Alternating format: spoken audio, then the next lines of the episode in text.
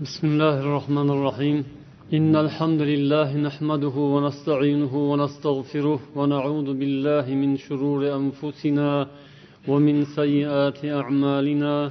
من يهده الله فلا مضل له ومن يضلل فلا هادي له. وأشهد أن لا إله إلا الله وحده لا شريك له.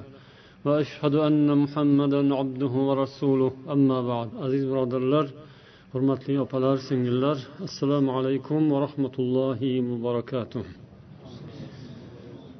o'tgan safargi suhbatimizda birodarlikni mustahkamlovchi omillar haqida so'z borgan edi. Bugun yana mana shu mavzumizni davom ettiramiz. Biz muallif muhammad husayn yaqubning al uhuva ayyuhal ixva degan risolalaridan mana shu mavzuga taalluqli ba'zi bir qismlarni sizlar bilan birga o'rganayotgan edik. Ana shu yerda birodarlikni mustahkamlovchi omillardan o'ntasini u kishi sanab o'tganlar. Biz shuni ikkinchisiga kelib to'xtagan edik. Ya'ni al ig'do va adamul istiqso degan qismini o'qidik. Ya'ni birodarlar o'zaro bir birlarining kamchiliklaridan ko'z yumishlari va judayam xatolarni qidirib kavlashtirib chuqurlashib ketmasliklari haqidagi bob edi. Ya'ni mana shu harakat mana shu ish ya'ni bir birini kamchiligini kavlashtirishdan tiyilish bu ham birodarlik uchun xizmat qiladi. Birodarlikni mustahkamlaydi. Agar buning aksi bo'ladigan bo'lsa natijasi ham aksi bo'ladi. Ya'ni ayblar xatolarni ketiga tushib olish har bir kichikmi kattami farqiga bormasdan kamchiliklarni qidirish va uni bilan mashg'ul bo'lish bu birodarlikka zarba yetkazadi. Payg'ambarimiz sollallohu alayhi vasallamdan mana bu hadis rivoyat bo'lgan. Bu borada boshqa hadislarni ham biz keltirdik. Mana hozir yana bir hadisni eslaymiz. Abu dovud rivoyat qilgan bu hadis. Payg'ambar sollallohu alayhi vasallam aytdilar aqilu davil hayati asaratihim illal hudud ya'ni e'tiborli insonlarning kamchiliklarini kechiringiz. Illo hadlar ya'ni jazo belgilangan ishlar bundan mustasno dedilar. Bu hadisning sharhida amnul mavud sohiblari yozadilarki aqilu degani bu urfu ya'ni kechiringiz avf qilingiz. Zavil hayat hayat egalari deganlari ay ashabul muruat val hamida ya'ni muruvvat sohiblari odamgarchiligi ustun bo'lgan o'zining yaxshi sifatlari bilan tanilgan insonlar. Hislatlari hammasi umuman g'olib bo'lgan uning zohir bo'lib odamlarga ko'rinib turgan jihatlar hammasi yaxshilik. Chiroyli hislatlarga ega bo'lgan odamlarning kamchiliklaridan ko'z yumingiz dedilar. قال ابن الملك الهيئة الحالة التي يكون عليها الإنسان من الأخلاق المرضية yaxshi odamlar undan rozi bo'ladigan xursand bo'ladigan insonlarga maqbul bo'ladigan sifatlari ko'p bo'lgan odamlar asarat bu kamchiliklar ay zallat ya'ni toyish adashish xato kamchiliklarga yo'l qo'yish bu narsa demak sodir bo'lib turadigan holat lekin kimdan sodir bo'ladi? Doim yaxshilik bilan tanilgan odamdan sodir bo'lsa undan ko'z yuminglar dedilar. Illal hudud ammo had vojib bo'lgan had belgilangan ishlar bo'lsa ya'ni had degani jazo shariatda jazo belgilangan amallar bo'lsa unda hech qanday kechirim bo'lmaydi. Ya'ni o'sha jinoyat sodir bo'lsa nauzubillah o'g'irlik nauzubillah zino nauzubillah odam o'ldirish yoki boshqa boshqa shunga o'xshash shariatda aniq jazo belgilangan bo'lsa bu amal sodir bo'lsa va u oshkor hammani ko'zida ma'lum bo'lib turgan narsa bo'lsa unday ishlarda hech qanday kechirim bo'lmaydi. Chunki rasululloh sollallohu alayhi vasallam aytganlarini bilasizlar agar muhammadning qizi fotima o'g'irlik qiladigan bo'lsa ham uni qo'lini kesgan bo'lardim deganlar.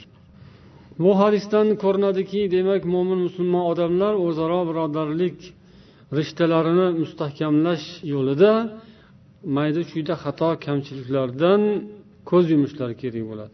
Bu degani umuman tashlab qo'yish degani emas unga nasihat qilinadi lekin sabr bilan davom etish kerak. Yana muallif aytadilarki bizning tariximizda o'tgan mashhur ulamolar deylik imom navaviy qurtubiy ibn hajar va hokazo zotlar zavul hayotga kiradilar. Ya'ni ular ham mana shu hadisda aytilgan ya'ni muruvvat sohiblari yaxshilik bilan tanilgan insonlar. Mana shu o'tgan ko'pgina donishmandlar yaxshi insonlar. Bularning ham xatolari kamchiliklari bo'lgani tabiiy oddiy insondan sodir bo'ladigan kamchiliklar qatorida ulardan ham ilmiy yo'llarida ijtihodlarida so'zlarida fatvolarda xatolar sodir bo'lgan bo'lishi tabiiy lekin u narsalarni olib ularga ayb qilinmaydi. Qaytaga ularga bu ham savob bo'lib yoziladi chunki ularning ijtihodlari uchun albatta bir savob yoziladi. Bu narsa boshqa oddiy odamlarda ham shu hozirgi kundagi hayotimizda ham aks etadi ya'ni musulmonlar mo'minlar o'zaro bir birlarini rioyalarni qiladilar kamchiliklarini chiroyli yo'l bilan isloh qiladilar ko'pincha ko'z yumadilar umumiy tarzda nasihatlar bo'ladi shunga qarab odamlar inshaalloh o'zlarini xatolarini kamchiliklarini tuzatib boradilar yana bu muallif aytadilarki هل تريدون من إخوانكم أن يكونوا على أكمل صورة في مخيلاتكم ey birodarlar sizlar birodaringizni judayam bir komil suratdagi inson bo'lishni xohlaysizlarmi? Sizlarning o'zingizni xayolingizdagi bir oliyjanob inson bo'lishni istaysizlarmi? Sizlar mana shunday bir sifatli birodarni topaman deb o'ylaysizlarmi? Ya'ni ibodatli judayam zohid dunyoga berilmagan taqvodor ilmli ilmiga amal qiladigan juda ham kamtarin. Ro'za tutadi ko'p qur'on o'qiydi ko'p namoz o'qiydi va hokazo xulqlari judayam chiroyli. Shunday birodarni qidiryapsizlarmi izlayapsizlarmi? Agar shunday birodarni topgingiz kelayotgan bo'lsa o'zingiz shunday bo'ling. O'zingiz shunday bo'lishga harakat qiling deydilar. ya'ni siz birodaringizdan kamchiliklar ko'ryapsizmi o'zingizga nazar soling o'zingiz o'sha kamchiliklaringizni topib o'zingizdan tuzating deydilar يقول رجاء بن حيوة وزير عمر بن عبد العزيز عمر بن عبد العزيز نين وزير لرا لن رواية من يؤاخي من الإخوان إلا من لا عيب فيه قل صديقه kimki aybsiz do'stni qidirayotgan bo'lsa aybsiz do'st topaman desa uning do'stlari yo'qolib ketadi yoki kamayib ketadi ومن لا يرضى من صديقه إلا بإخلاص له دام سخطه kimki agar o'zining do'stidan doim unga ixlos qilinib turishini istaydigan bo'lsa demak u yerda nafrat paydo bo'ladi ومن عاتب إخوانه على كل ذنب كسر عدوه birodarlarni har bir kamchilik uchun ayblayveradigan bo'lsa uning dushmanlari ko'payib ketadi. Yana bir odam o'zining birodariga aytgan ekan inni uhibbuka fillah ey birodarim man seni olloh uchun yaxshi ko'raman debdi. Keyin u kishi aytibdiki agar san mani gunohlarimni bilganingda edi olloh uchun yaxshi ko'rishmas olloh uchun yomon ko'rarding olloh uchun menga g'azab qilgan bo'larding dedi. Keyin haligi birodar aytdiki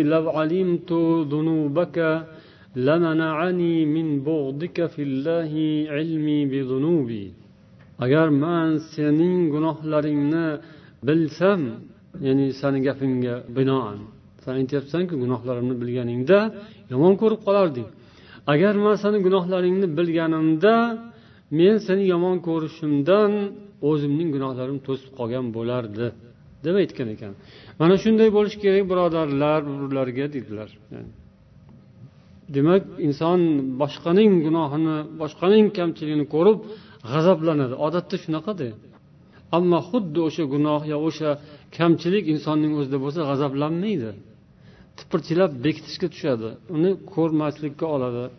O'zining yaqinida bo'lsa ham yopishga o'tadi.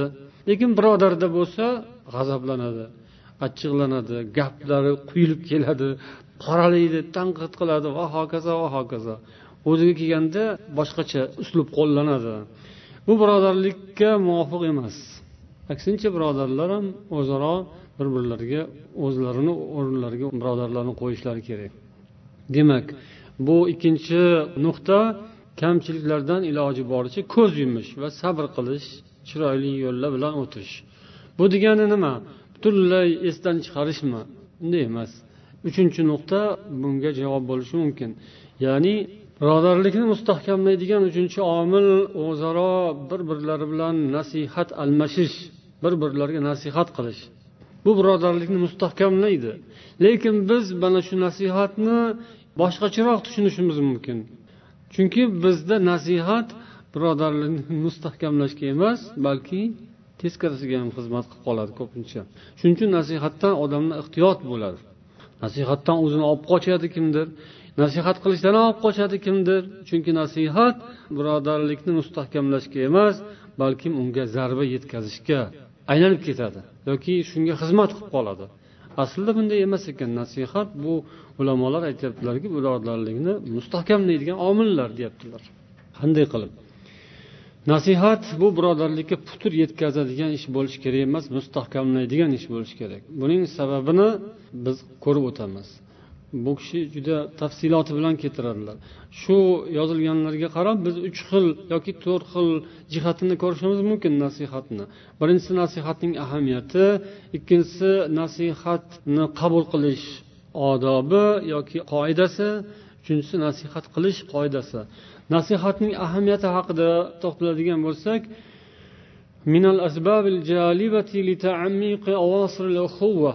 birodarlikning rishtalarini mustahkamlaydigan ishlardan biri demak nasihat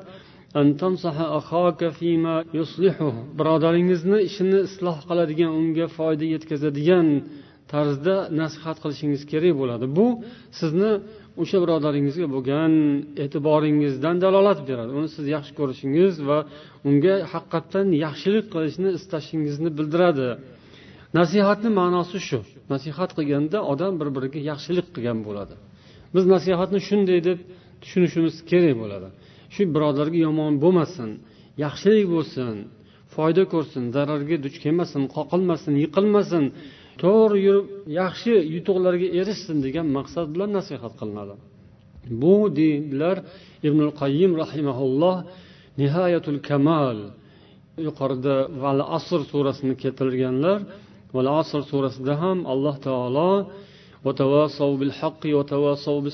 degan o'zaro bir birlariga haqni gapirib turadilar haqqa chaqirib turadilar. Ya'ni bu nasihat degani. Bunda esa ibn qayyim nihoyatul kamol deydilar. Bu kamolat cho'qqisi mana shunday bo'ladi. Musulmonlar komillikka yaqin odamlar yoki komil insonlar desak bo'ladi. Nuqsonlari bo'lsa nasihat bilan tuzalib ketadi.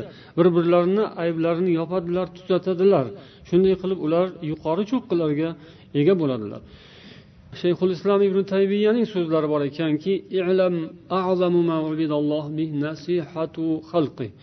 alloh taologa qilinadigan eng buyuk ibodat allohga eng yuksak cho'qqida turib ibodat qilish ko'rinishlaridan biri uning xalqiga nasihat qilishdir.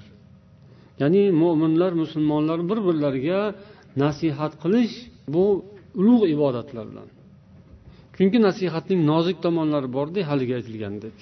Shuning uchun ham nasihatni chiroyli o'rinlata olgan odam judayam ulug' ibodat qilgan bo'ladi.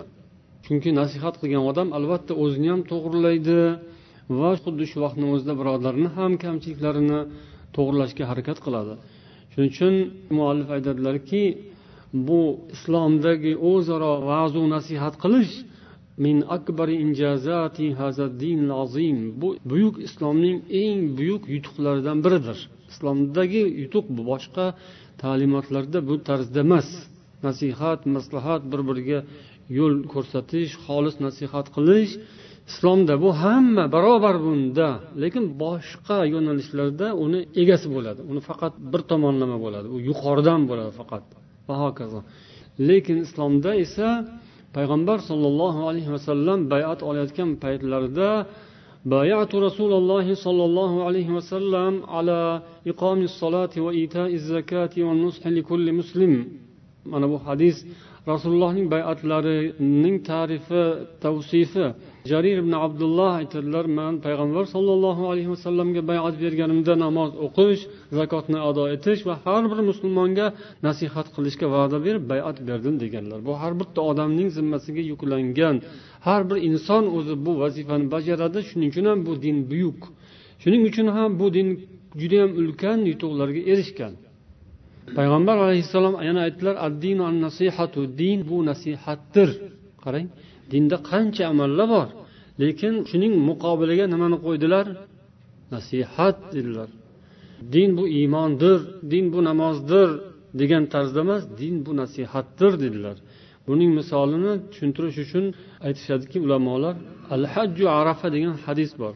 Shunga o'xshaydi bu ham. Haj bu arafadir. Ya'ni hajning muhim amali arafotda turish. Hatto aytishadiki ba'zi ulamolar agar hajdan kech qolgan odam yetib borolmay arafa kuniga yetib borsa ham haji qabul bo'ladi.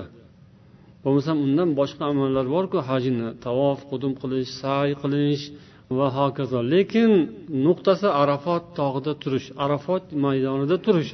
Haj bu arafadir deyilgan shundan. Xuddi shunga o'xshab din bu nasihatdir. Deganda siz nasihatning ma'nosini tushunib olaverasiz inshaalloh. Nasihat islom dinida shunday buyuk narsa judayam muhim narsa islom dinining ustunlaridan biri. Nasihat bo'lmasa din bo'lmaydi. Nasihat bo'lmasa haq oshkor ochiq ko'rinmaydi. Nasihat bo'lmasa hamma narsa aralash quralash bo'lib oq qora qora oqqa aylanib ketadi. Yaxshi yomonga yomon yaxshiga aylanib ketadi. Faqat nasihat bilan gap da'vat bilan ochilib turadi ko'rinib turadi.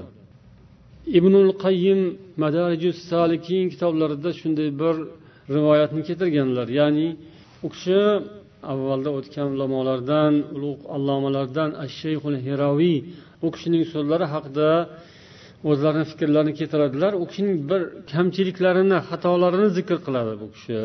Va shunda yozadilarki shayxul islom habibun ilayna. Shayxul islom bizga juda mahbub sevimli suyukli insondirlar. Lekin haq u kishidan ham ko'ra bizga sevimliroqdir deb yozadilar. Shunday qilib mo'min musulmonlar o'zlarining eng sevimli odamlariga ham nasihatlarini taqdim qiladilar. Shunday qilib solih insonlarning odatlariga aylangan bir birlaridan hatto nasihat so'rash bir birlariga nasihat qilish bu qadim qadimdan ahli islom millatining sunnati chiroyli odati bo'lib kelgan. O'zaro musulmonlar bir birlariga shunday so'zlarni aytganlari ham keltiriladi. Sizlardan avval o'tgan salafi solihlar bir birodar birodarga ro'baro bo'lgan mahalda aytardi bir inson bir insonga. Ya birodarim man o'zimni hamma gunohlarimni ko'ra olmayman. Hamma ayblarimni ham bila olmayman. Agar siz meni bir kamchiligimni ko'rayotgan bo'lsangiz menga shuni eslatib qo'ying.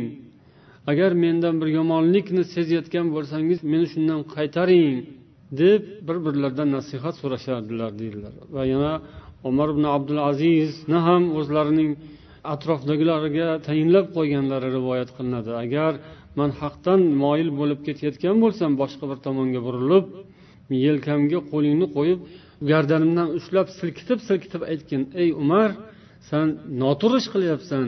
Ey umar nima ish qilyapsiz siz? deb manga shunaqa tanbeh bering deb buyurganlar deydilar.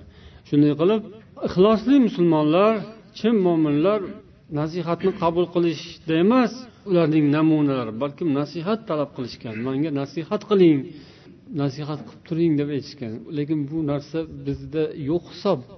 Biz bir birimizdan nasihat bo'lib qolmasa ekan deb cho'chib turamiz. Nasihat qilib turing deb talab qilishni sal nariroqqa qo'yib turamiz. Lekin ba'zi birodarlarda bor lekin alhamdulillah kam bo'lsa ham man guvoh bo'lganim birodarlar bor. Ya'ni nasihat qiling manga degan. Yorqin bir misoli oqil birodar ko'pchiliklaringiz bilasizlar ustozingiz. Shu esimda qolgan ya'ni boshqalari ham bo'lganku lekin insonni kimdir nimadir esda qolib ketadiyu. O'sha oqil birodar olloh najot bersin. Mani kamchiligimni ayblarimni ko'rsangiz ayting manga aytib turing. Man nasihatga muhtojman man hali yoshman ko'p narsani bilmayman bo'lmasam qancha ilm o'qib kelgan madinada jomiyani bitirib qancha ilm olib kelgan u insonlar man ko'p narsa bilmayman ko'p narsa o'qimaganman holbuki ko'p narsa o'qigan man hali yoshman xatolarim kamchiliklarim manga aytib turing deb aytardi subhanalloh man o'zim hayron bo'lardimda ichimda subhanalloh يقول ابن مسعود رضي الله عنه إذا رأيتم أخاكم خارف ذنبا فلا تكونوا أعوانا للشيطان عليه ibn masud roziyallohu anhu aytadilar siz birodaringizni bir yomon gunoh ish qilayotganini ko'rsangiz shaytonga yordamchi bo'lmang dedilar.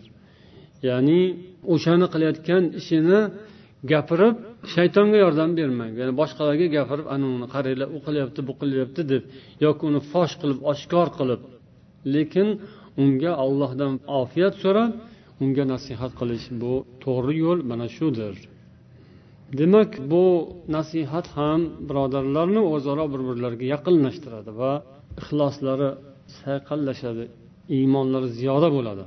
Bir birlarini yaxshi so'zlar bilan ogohlikka chaqirib turish bu yaxshi fazilat. Ya'ni namozdan kech qolsalar jamoatga chiqmasalar yoki darsni yaxshi tayyorlamasalar yaxshi ishlaridan chetroqda orqaroqda qolib ketishayotgan bo'lsa bunda hamma ham gapiravermaydida o'sha insonga o'zini yaqin olgan odam gapiradi ya'ni mani to'g'ri tushunadi birodarim deb keyin unga nasihat qilib hol so'raydi nima bo'ldi deb endi nasihatni qabul qilish masalasi قال الإمام الذهبي رحمه الله تعالى imom zahaviy rahimaulloh aytadilarki وعلامة المخلص إذا عوتب في نفسه وفي عمله ألا يحرد ولا يبرئ نفسه muxlis ekanlik alomatlaridan biri. Insonning ixlosi mavjud ya'ni ixlos degani tushunasizlar.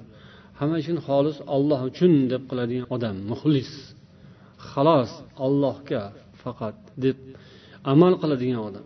Insondagi ixlos mavjudlik alomatidan shuki agar bir inson ayblansa bir xatosi aytilsa fi nafsihi o'zida nafsida tabiatida yoki uning amalida ishlarida biror kamchiligini nuqsoni aytilsa undan g'azablanmasligi va o'zini oqlashga tushmasligidir. Va o'ziga o'zi bino qo'ygan bo'lmasligi. Bal ya'tarifu bal xatosini ha deb tan olishi kerak. O'zini ayblash kerak. Allohga istig'for aytish kerak. Avval shunaqa bo'lishi kerak. Agar o'zining tavili o'zining unga uzri bo'lsa ham inson balkim xatodir mani uzrim. Ba'zi inson bir uzr bilan bir ishni qiladi kimdir uni xato deb ko'radi. Noto'g'ri qilyapsan deydi. Birodarga nasihat qilib yo'l ko'rsatsa keyin u yoqdagi odam nima qiladi? Ko'pchiligimiz bilamiz o'zimiz nima qilamiz bilamiz. Lekin nima qilish kerak? Imom zahabiy aytadilarki istig'for aytish kerak. Astag'firulloh balkim xatodir sani gaping to'g'ridir. Man noto'g'ri ish qilayotgandirman deyish kerak. O'ziga bino qo'yib yuborish kerak emas. Man bilaman o'zim. Man nima deb o'ylayapsan? Bilmaydi deb o'ylayapsanmi? Yo'q unday emas. Bilarsan bilganing xatodir. Noto'g'ri o'ylayotgandirsan. Istig'for aytish kerak. Ha man shu ishni qildim. To'g'ri balkim xatodir. Balkim man noto'g'ri qilayotgandirman deb o'zini ayblasin va o'ziga istig'for aytsin deydilar. Yana bir misol deydilar bu muallif. Bir odam kelib sizni riyoda ayblasa yoki sizni kekkayishda manmansirashda ayblasa bunda inson o'ziga haqiqatdan bir qarab qo'yishi kerak dedilar jazakallohu xayran deb aytsin.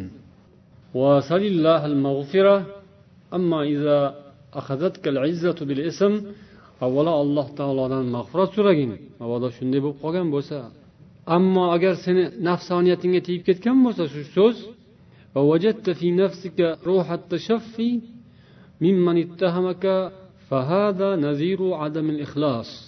agar sani ichingda bir narsa g'imirlab undan o'ch olish paydo bo'lgan bo'lsa sen niyatingda ya'ni hali saniki ham uchrab qolar desang ichida bo'ladi endi buni. Darrov tilida aytadigani haligi bir uyatsiz aytadi.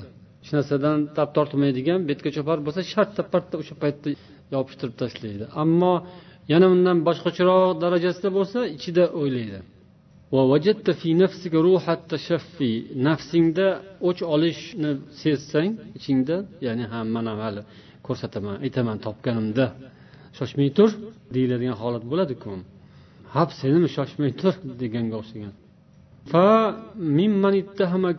o'sha seni ayblagan odamni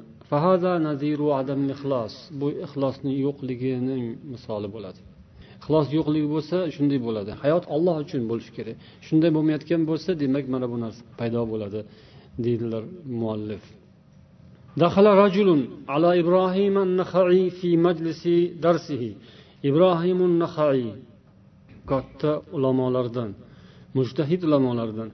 Bu kishini majlislariga bir odam kirib keldi. Va amamahunnas oldilarida ko'pgina odamlar turibdi dars eshitishyapti o'qishyapti. Masjid demak masjidda bu. Masjidni eshigida shunday turib oldi haligi odamda aytdiki ya muroi ey riyokor dedi. Endi nima degan bo'lsa dedi qolgan gap. Asosiy gap shu yerda.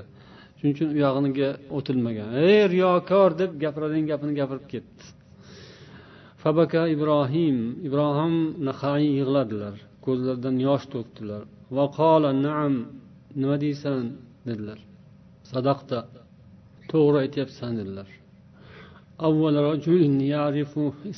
Sen mening otimni birinchi bilgan odam bo'lding san. Mani otimni to'g'ri topding.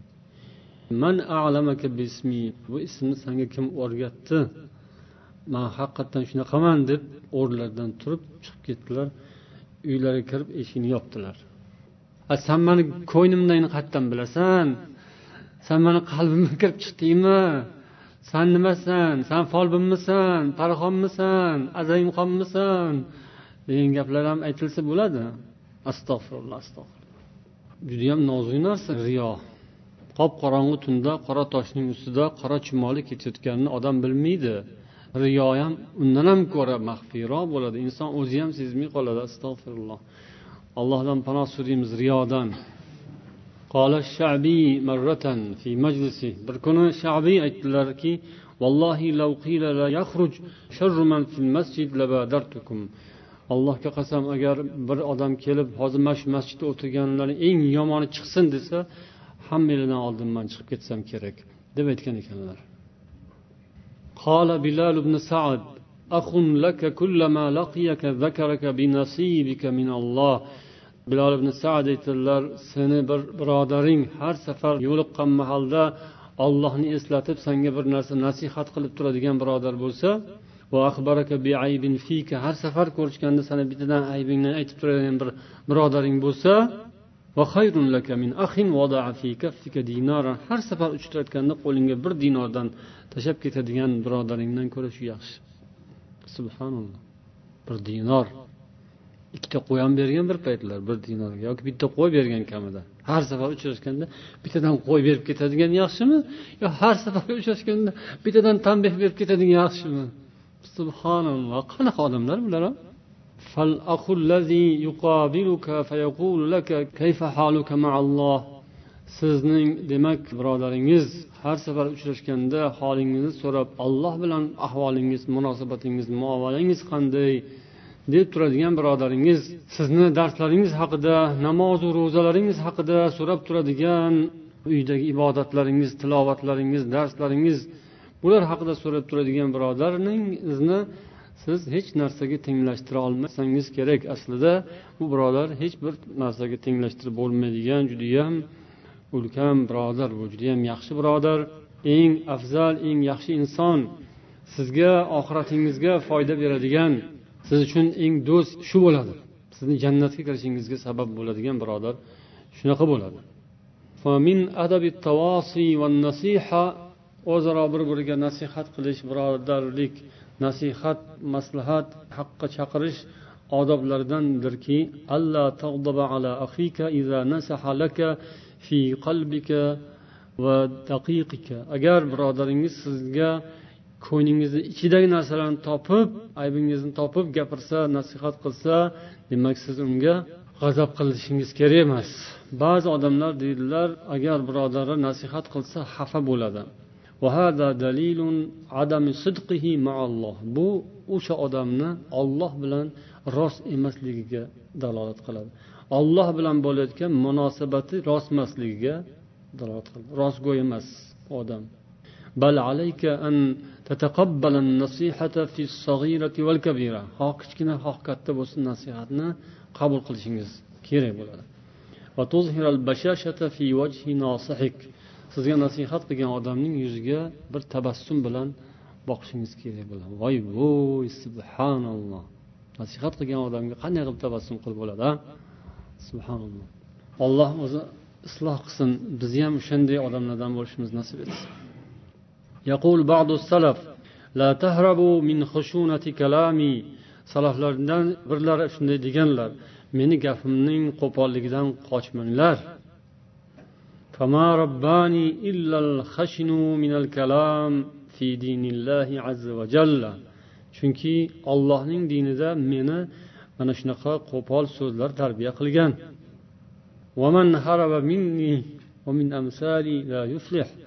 mendan va menga o'xshagan odamlardan qochganlar najot topmaydi degan ekanlar subhanalloh qo'pol gapirgan odamdan qochib ketamiz shirin muloyim gapirgan odamga yuguramiz To'g'ri shirin gap yaxshi. Albatta nasihat shirin bo'lishi kerak. Lekin hamma vaqt shirin bo'lavermaydi nasihat. Achchig'i ham chiqib turadi ichidan. O'shanaqa paytlarda biz sinalamiz. O'shanaqa silkitiladigan paytda bo'lib turadi ba'zi ba'zida. Endi to'xtamasdan silkitaverish bo'lmaydi albatta. Lekin manimcha hech kim bir birini to'xtamasdan silkitavermaydi. Bir bir bo'lib qoladi shunaqa lekin o'shani ham hamma qabul qilmaydi hamma ko'tarmaydi.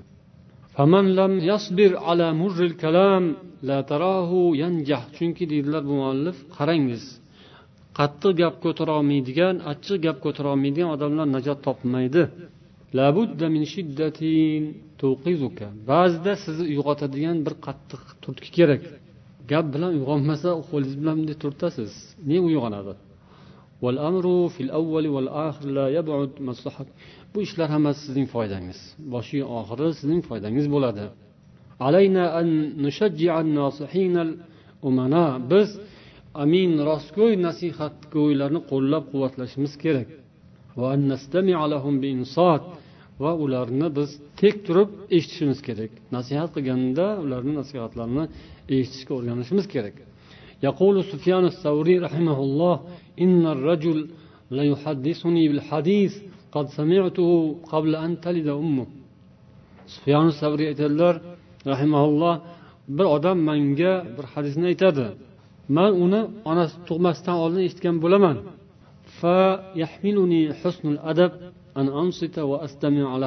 faqat husni odob taqozosi meni unga jim turib eshitishimni talab qiladi subhanalloh ajoyib ha ha ha bilaman ha yo'q unaqami manaqaku deb biz aytamiz وحقيقة من الدرر المفقودة التي هي في حياة المسلمين مفقودة درة الأدب deydilar muallif ya'ni yo'qolgan durlardan eng noyob musulmonlar hayotida yo'qolib ketgan noyob durlardan biri mana shu odob durlaridir nasihat eshitish odobi jumladan va hokazo boshqa odoblar endi nasihat qilish odobi haqida فأولا deydilar muallif عليك أن تخلو بأخيك بعيدا عن أعين المتطفلين yosh bolalarni ko'zidan yoki yosh bolaga o'xshagan odamlarning ko'zidan uzoqroqda bo'lishi kerak nasihat hammani oldida bo'lishi kerak emas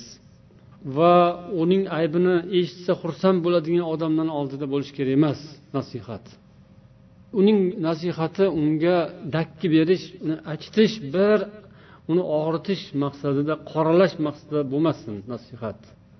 Balki unga yaxshilik qilish unga shafqat yuzasidan unga achinish yuzasidan bo'lsin nasihat.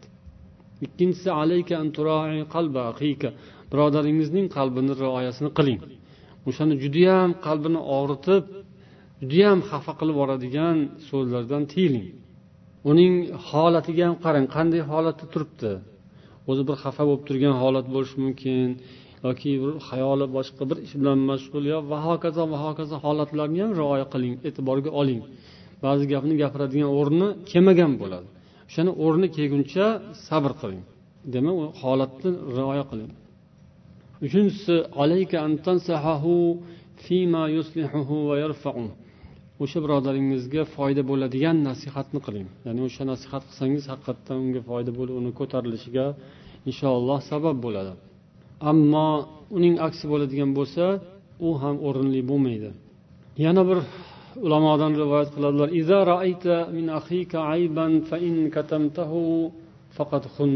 Agar birodaringizning bir aybini ko'rib uni bekitib indamasdan ketsangiz unga xiyonat qilgan bo'lasiz.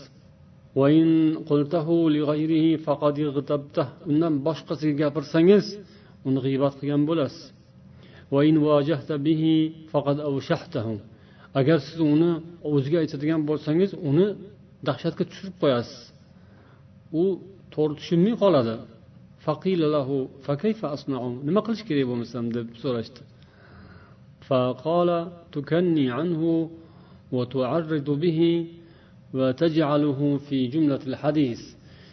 gapingizni o'rab chiroyli qilib ishoralar bilan gapirasiz. Ya'ni unga muloyimlik bilan astalik bilan yetkazasiz va gaplarning orasida qo'shib ketasiz deb nasihat qilish odoblarini gapirdilar. Ya'ni gapirganda ba'zan to'g'ri gapirish bor ba'zan sal aylantirib gapirish bor. Aylantirib ba'zilar olib qochmoqchi bo'ladi. Olib qochish uchun aylantiradi. Ba'zilar olib kelish uchun aylantiradi. Demak bunisi yaxshi. Olib kelish uchun aylantirish yaxshi sekin aylantirib keyin sekin joyiga olib kelish yaxshi.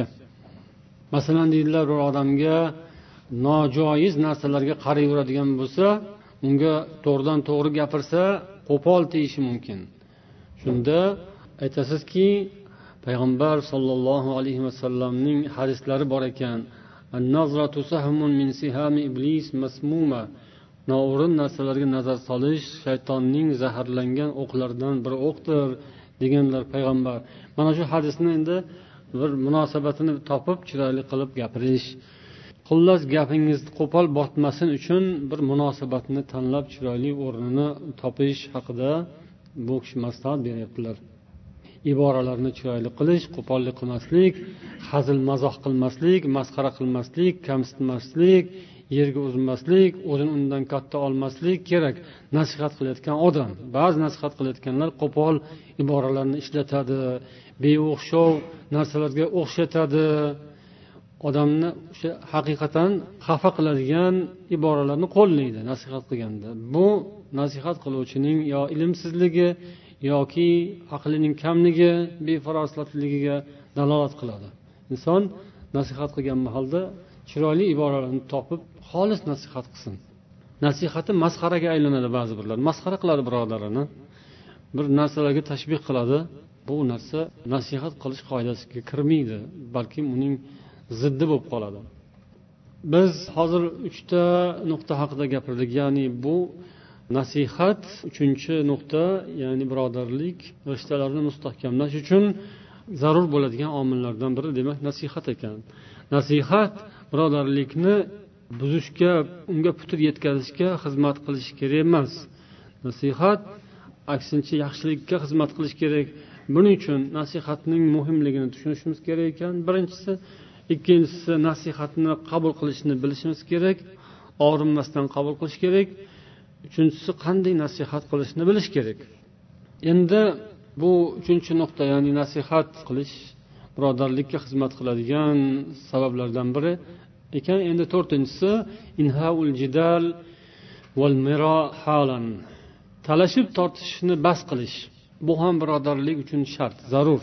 Birodarlik davom etishi uchun talashib tortishishlar davom etmasligi kerak. Bundan voz kechish kerak. alloh taolo qur'oni karimda nasihat qilgan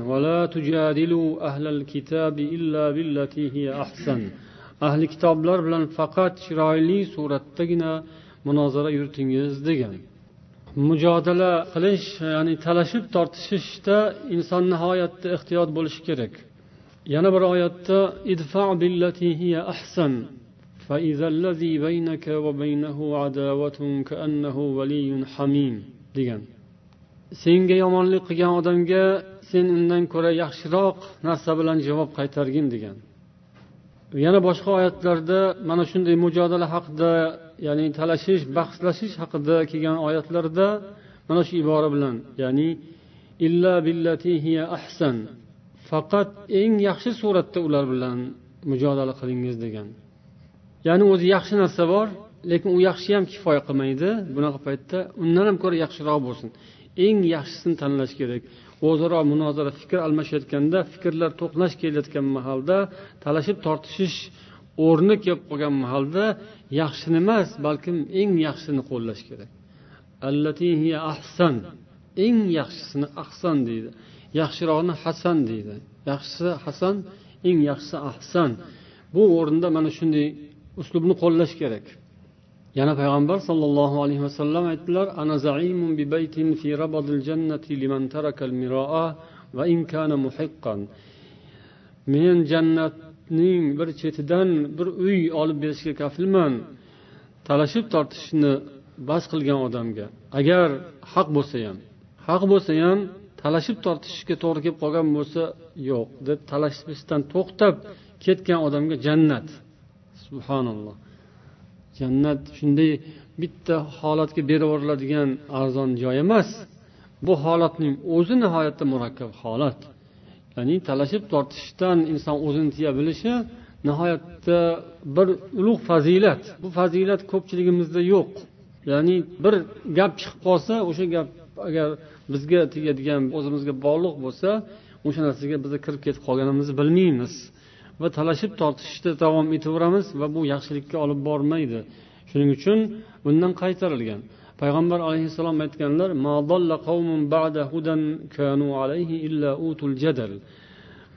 tarixda o'tgan biror bir qavm haq yo'lda turib halok bo'lgan qavm faqat jadal mana shunday munozaradan so'nggina halok bo'lishgan. Munozara bahslashish talashib tortishish kelmasdan halok bo'lmagan. Haq yo'lda turgan qavmlar qarang haq yo'lda turib ham halok bo'lish halok bo'lish degani bu oddiy o'lish emas bu halok bo'lish iymondan ajralish degani o'sha haqiqiy halokat u halokat. Dunyoda nimadir balo musibat bo'lib halok bo'lish iymon bilan bo'lsa uni halokat deyilmaydi.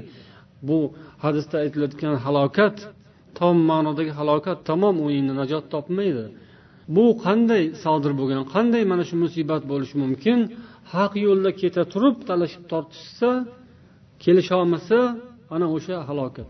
Oldingi o'tgan qavmlar haqiqatni tushungandan keyin mana shu baloga mubtalo bo'lishgan keyin halokatga duchor bo'lishgan dedilar. Olloh asrasin.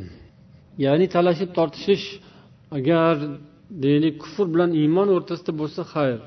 Lekin bu yerdagi mavzu ko'proq birodarni o'rtasidagi talashuv. Nima u kufr bilan iymon o'rtasidagi talashuv emas bu. Ikkita birodar o'rtasidagi talashuv ikkita iymon ikkita musulmon ikkita islom ikkita yaxshi inson o'rtasida talashish uzoq davom etishi kerak emas. Uzoq davom etadigan talashuv bu kufr va iymon talashuvi. Shirk bilan islom talashuvi bu qiyomatgacha davom etadi bu.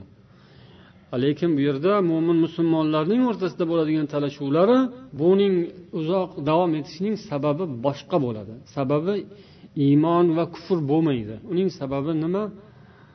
Bu deydilar ahli ilmlardan iqtibos qilib. Bu narsa insonning ancha muncha xatolari kishi insonlarning kamchiliklaridan keladi va bu yerda hozir bu keltirilgan iqtibos o'sha ixtiloflarning natijasi haqida ekan. Ya'ni oxir oqibat olib boradi. Faqat inson qalbining o'zida hozircha to'rtta kasallik paydo bo'lishiga sabab bo'ladi. Birinchisi yaftinul qalb. Qalbni adashtiradi fitnaga giriftor qiladi. U odamning qalbi adashib ketadi. Ya'ni mana shunday talashib tortishishlarni yaxshi ko'radigan bahslashaveradigan bahslashaveradigan odam qalbi adashib ketadi ikkinchisi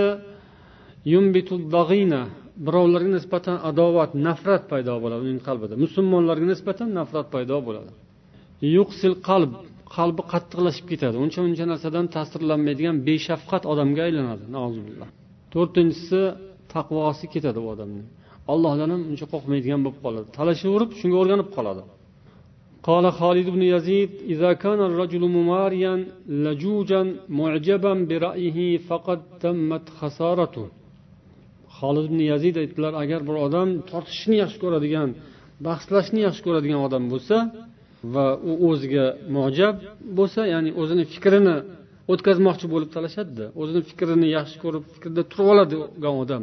Hech bukilmaydi u yoqqa bu yoqqa bukilmaydigan shu qoqqan qoziqdek bitta joyda turadi ikkita oyog'ini bitta etikka tiqib o'shanday yuraveradi yiqilmaydi.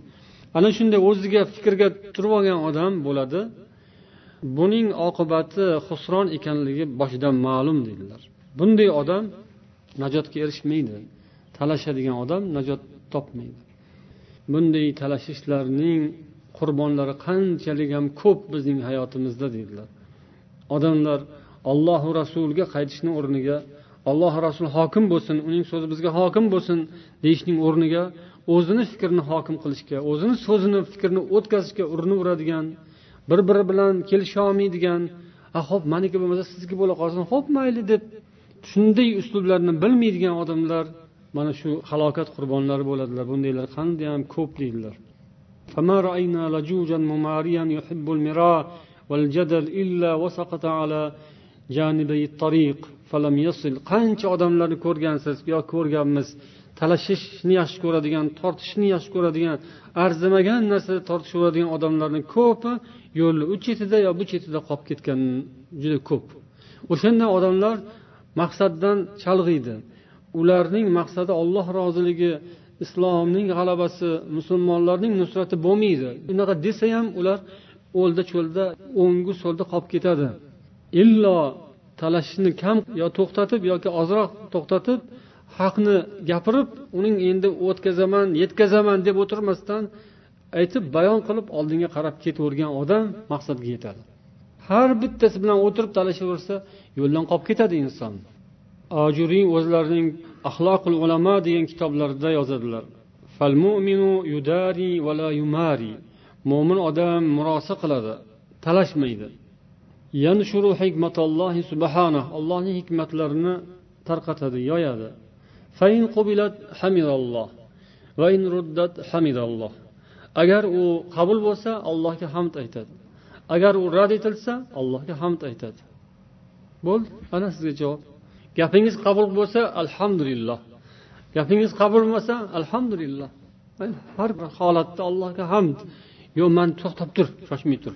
Man bu gapimni o'tkazib qo'yay oldin yetkazib qo'yay nima hojat nima zarur kim buyuradi shu narsaga? Balki bu ishdan qaytariladi.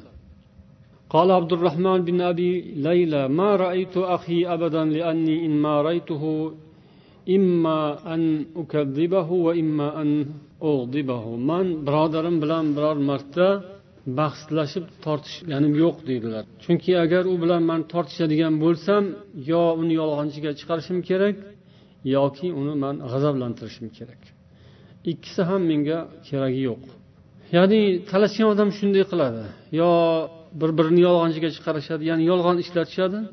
Yo bo'lmasam rost gapiraman deb bir birini g'azabga qoldirishadi urush janjalga aylantirishadi. Agar shunday holat yuzaga kelayotgan bo'lsa o'sha narsani oldindan bilib inson gapni qisqa qilib yo'lda davom etaverish kerak. Ibn qutayba rahimaullohdan rivoyat qiladilar yaqulu marrabi bishr ibn abdullah bin abi bakra men bir joyda turgan mahalimda oldimdan bishr bin abdulloh bin abi bakr o'tib qoldilar. Nima qilib turibsiz bu yerda? deb so'radilar. Man u kishiga aytdimki husumatun bayni va bayna ibn ammin li.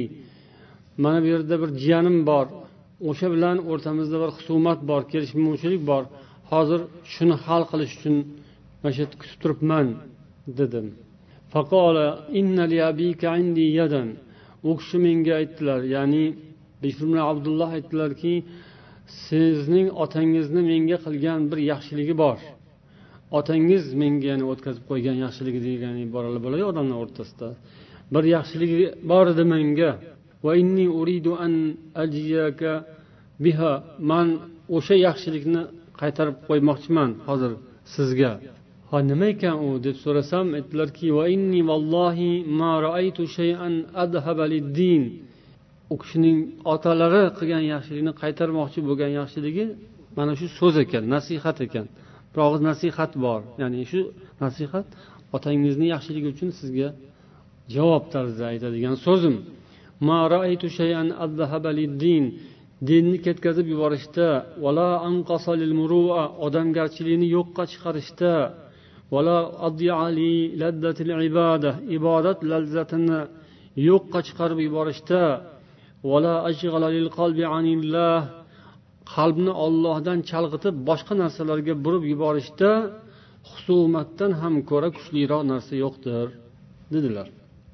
Demak hozir man talashib bir haqqimni undirish uchun turibman dedilar. Husumat endi bu talashib tortishadigan narsa janjallashishga olib keladigan narsada shu gapni aytdilar. Sizga eng yaxshi so'zim. Otangizdan bo'lgan yaxshilikning qarzining javobi. Dinni ketkazadi bu. Odamgarchilikni yo'qqa chiqaradi. Ibodatdan halovat ketadi. Chunki ibodat qilayotganda ham xayoli o'sha yerda turadi o'sha odamda. Anaqa dediya man unga bunaqa desam bo'lardi. Nima unaqa demadim ha hozir namozimni o'qib chiqib o'shanga shu gapni aytaman. Yoki bir paytini topib shuni bir aytib qo'ymasam bo'lmaydi. Va qalbni ollohdan boshqa yoqqa mashg'ul qiladi bu. Qalbingiz endi olloh bilan mashg'ul bo'lmaydi. Ollohni zikri ibodat tilovatda ham halovat bo'lmaydi. O'sha husumat.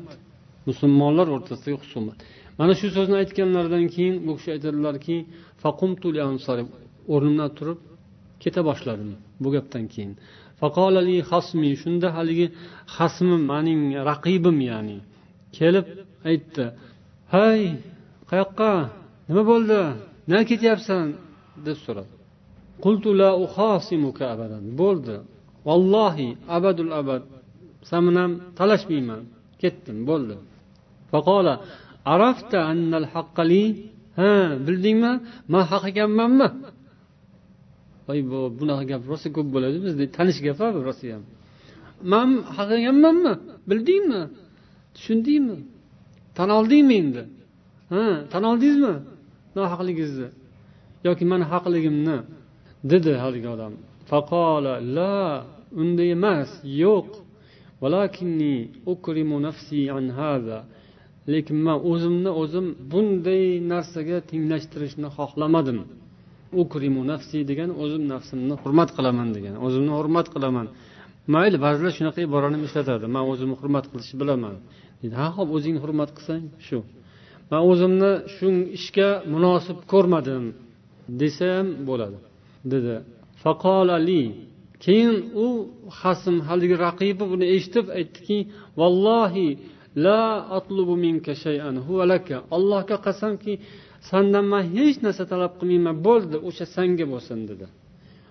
Ma baynana huva laka. O'rtamizda nima bo'lgan bo'lsa man voz kechdim sanga hammasi dedi. Ana shunaqa oppo osonlik bilan hal bo'lsa bo'ladigan ishlarni odamlar dunyo tugaguncha tugatmasdan tortishib yuradilar. Sababi shu ollohning yo'li rasulullohning yo'llaridan va ulamolarning nasihatlaridan uzoqdaligimiz. Alloh hammamizni mana shunday yaxshiliklarga nasib etsin.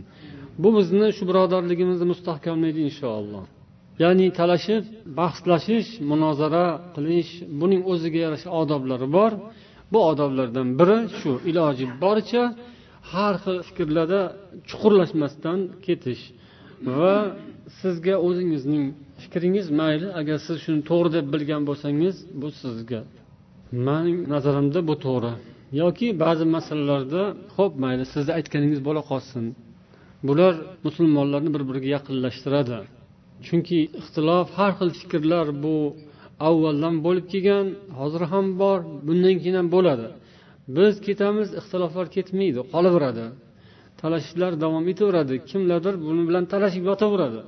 Kimlardir oldinga qarab haq tomon yo'lga qarab maqsadga qarab ketaveradi va u erishadigan narsa bular talashadigan narsadan qimmatroq va foydaliroq bo'ladi. Lekin talashayotgan odam bu narsani tushunsa yaxshi. Tushunsa bu ham tez to'xtatadida iye bo'ldi birodar man sanga. Bu yoqda undan ko'ra yaxshiroq bor ekanku. ana o'shanga yetish kerak deb oldinga qarab yuradi bu allohning roziligi va o'zaro birodarlik islom iymonning halovati va allohning mukofoti alloh barchamizga ana shunday yaxshiliklar nasib etsin سبحانك اللهم وبحمدك أشهد أن لا إله إلا أنت أستغفرك وأتوب إليك اللهم اهدنا لأحسن الأخلاق ولا يهدي لأحسنها إلا أنت واصرف عنا سيئها ولا يصرف عنا سيئها إلا أنت assalomu alaykum va rahmatullohi va barakatuh.